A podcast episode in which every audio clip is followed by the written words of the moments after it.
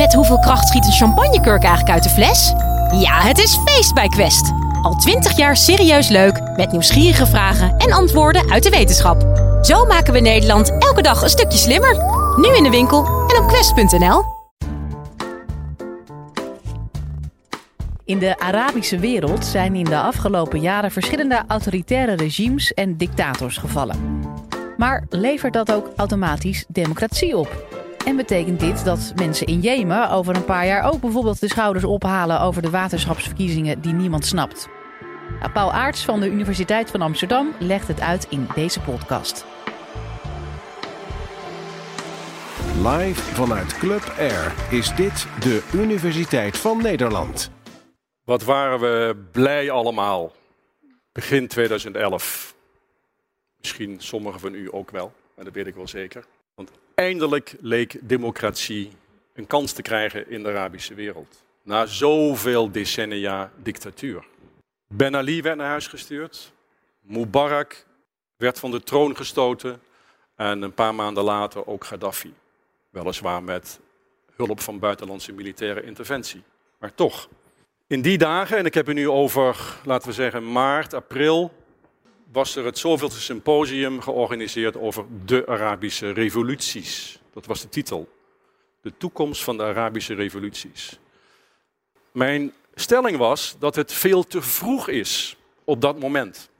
En dat vind ik nog steeds, ook op dit moment. Veel te vroeg is om te zeggen waar zo'n proces van een revolte of, zo u wilt, revolutie toe leidt. Leidt het tot democratie? Voor mij was het een groot vraagteken.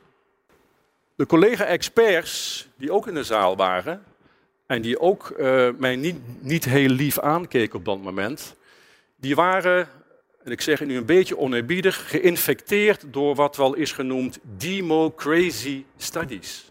Democracy.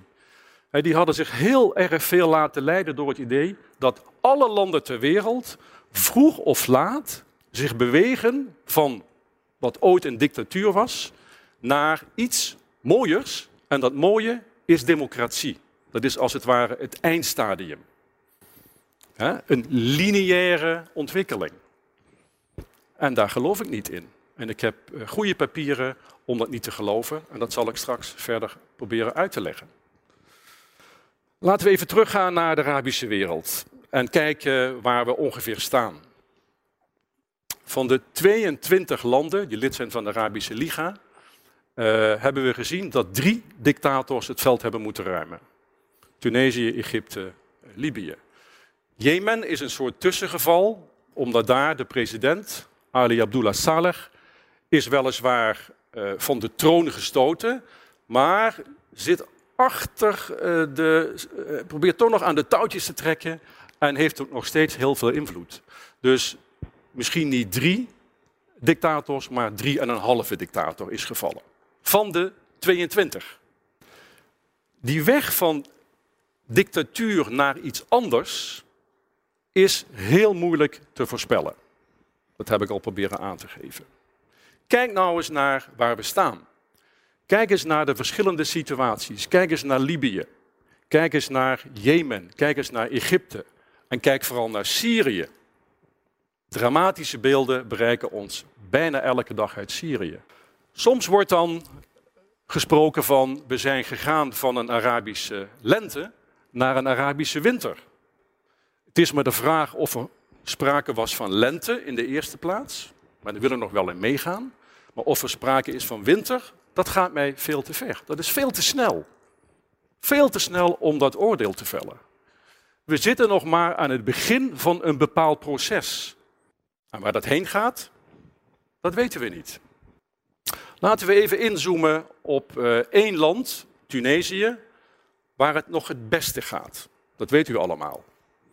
Tunesië heeft de beste papieren om door te groeien naar iets wat wij democratie noemen.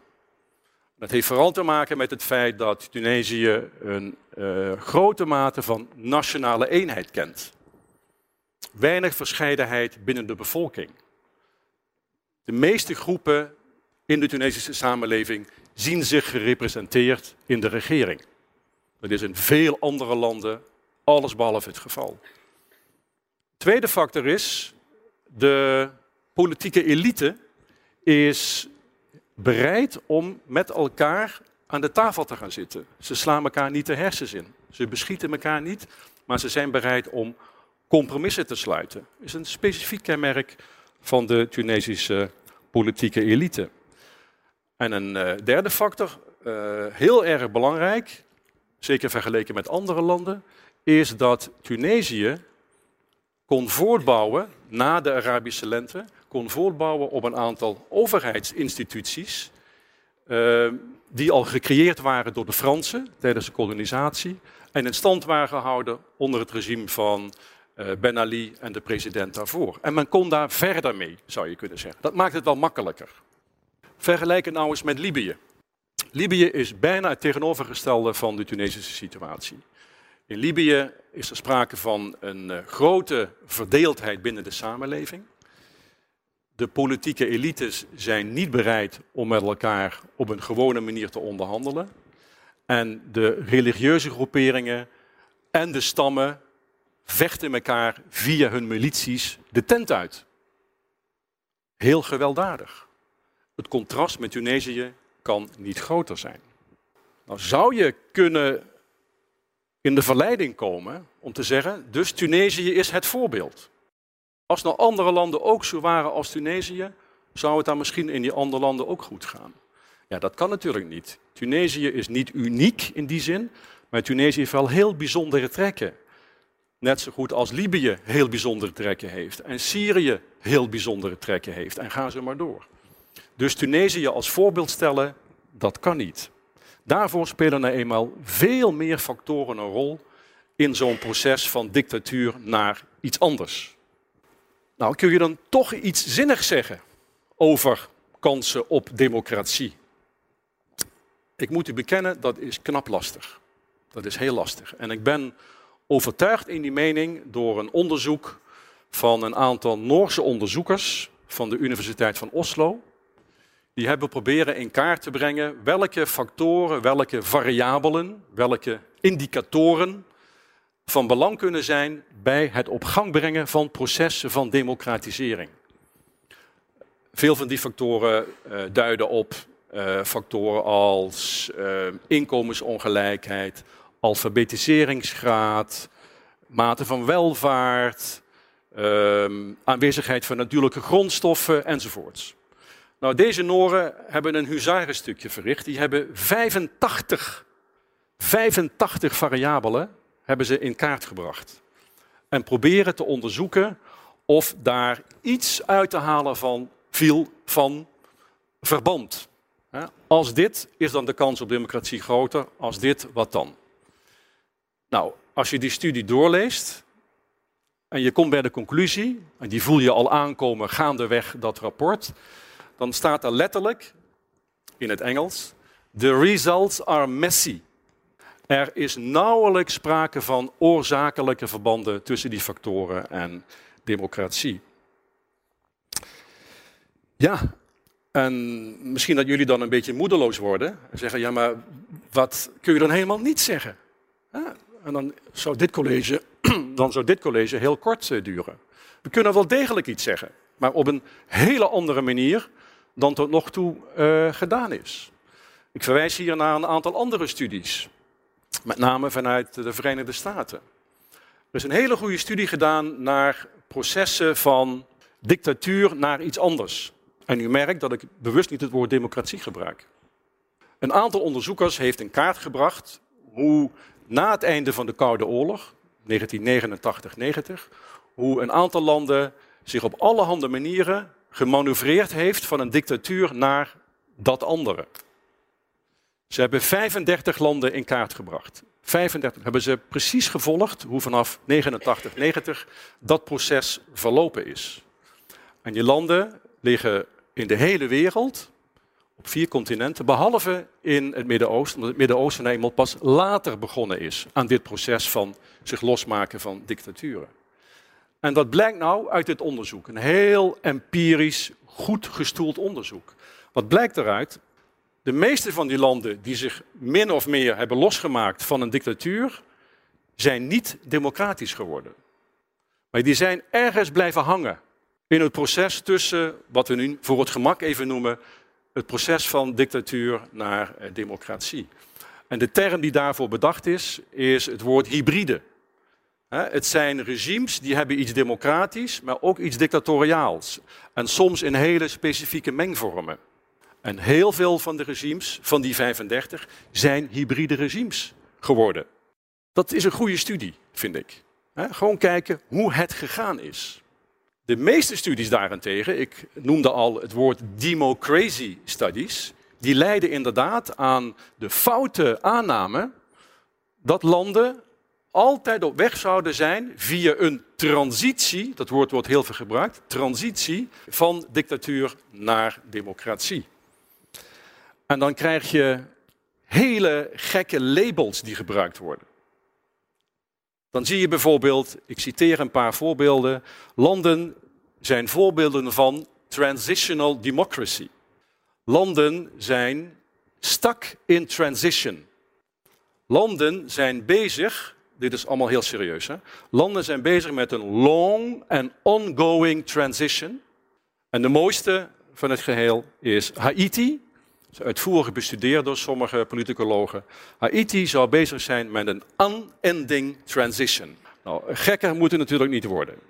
Dus uh, de boodschap hier is hybride regimes die zijn, er, uh, die zijn er een groot aantal en die zullen er ook blijven. Soms is het iets meer democratisch, soms iets uh, meer dictatoriaal, maar ze zullen blijven. We hebben dat gezien heel dichtbij in Europa, uh, in Hongarije, waar Viktor Orbán, ehm, dat is zo iemand. Hè? Hongarije begon redelijk democratisch, maar glijdt steeds meer af naar een dictatuur. Een ander voorbeeld, uh, voor u uh, waarschijnlijk heel bekend, is uh, Venezuela van Hugo Chavez. Of nu opgevolgd door Maduro. Hè. Op papier democratisch, maar toch behoorlijk afgegleden naar wat we een dictatuur noemen. Dat is zo'n voorbeeld van een hybride regimes. En daar zijn natuurlijk veel meer voorbeelden van te bedenken. In Egypte hebben we natuurlijk Sisi, die de moslimbroederschap uh, uit de macht gestoten heeft en vervolgens een heel strak regime gevestigd heeft. We noemen dat wel Mubarakisme zonder Mubarak. Mubarakisme zonder Mubarak. Met straffe hand wordt er geregeerd in, uh, in Egypte. En het is meer dictatuur dan democratie, zou je kunnen zeggen. Nou ja, dit alles geeft uh, toch wel te denken uh, over de kansen op democratisering in het Midden-Oosten. En er komt nog meer bij. Laten we niet vergeten dat veel mensen in sommige omstandigheden de neiging hebben om te vragen naar een dictator. Of op zijn minst naar een sterke man. Dat is van alle tijden, dat weten we. En deze tijden zijn niet heel veel anders dan in het verleden. De vraag naar een sterke man, want een sterke man kan immers zorgen voor, wordt gedacht, stabiliteit en vooral veiligheid. Veiligheid. En ook daar komt het Westen weer om de hoek. Het Westen heeft ook belang bij stabiliteit. En daarom bouwen wij zo graag relaties op met dictators. Die zorgen voor stabiliteit. Dan kunnen we handel mee drijven, dan kunnen we onze wapens verkopen en dan kunnen we onze olie van kopen. En dan is er nog iets. Het wordt steeds somberder eigenlijk. Dan is er nog iets. Willen mensen wel democratie? En hier trap ik tegen ontzettend zere benen van collega's. En vooral van activisten. Willen mensen wel democratie? Een recente peiling, een hele serieuze peiling, gedaan door de Verenigde Naties. Wereldwijd gedaan, met heel veel respondenten, wees uit dat heel veel mensen heel veel belang hechten aan een goede baan, goed onderwijs en goede gezondheidszorg. Dat zijn de drie eerste items die genoemd worden als mensen gevraagd wordt van wat vind je belangrijk? Ook in relatie tot democratie. En het item politieke en civiele vrijheden, democratie kortweg gezegd, komt heel laag op het rijtje pas. Dus blijkbaar hebben mensen uh, uiteraard afhankelijk van de context, hebben hele andere uh, ideeën. De conclusie van uh, dit verhaal moet dan ook zijn dat het met die democratisering heel veel kanten op kan. Vele wegen leiden naar Rome, zeggen de experts. Maar mijn mening is, er is helemaal geen Rome.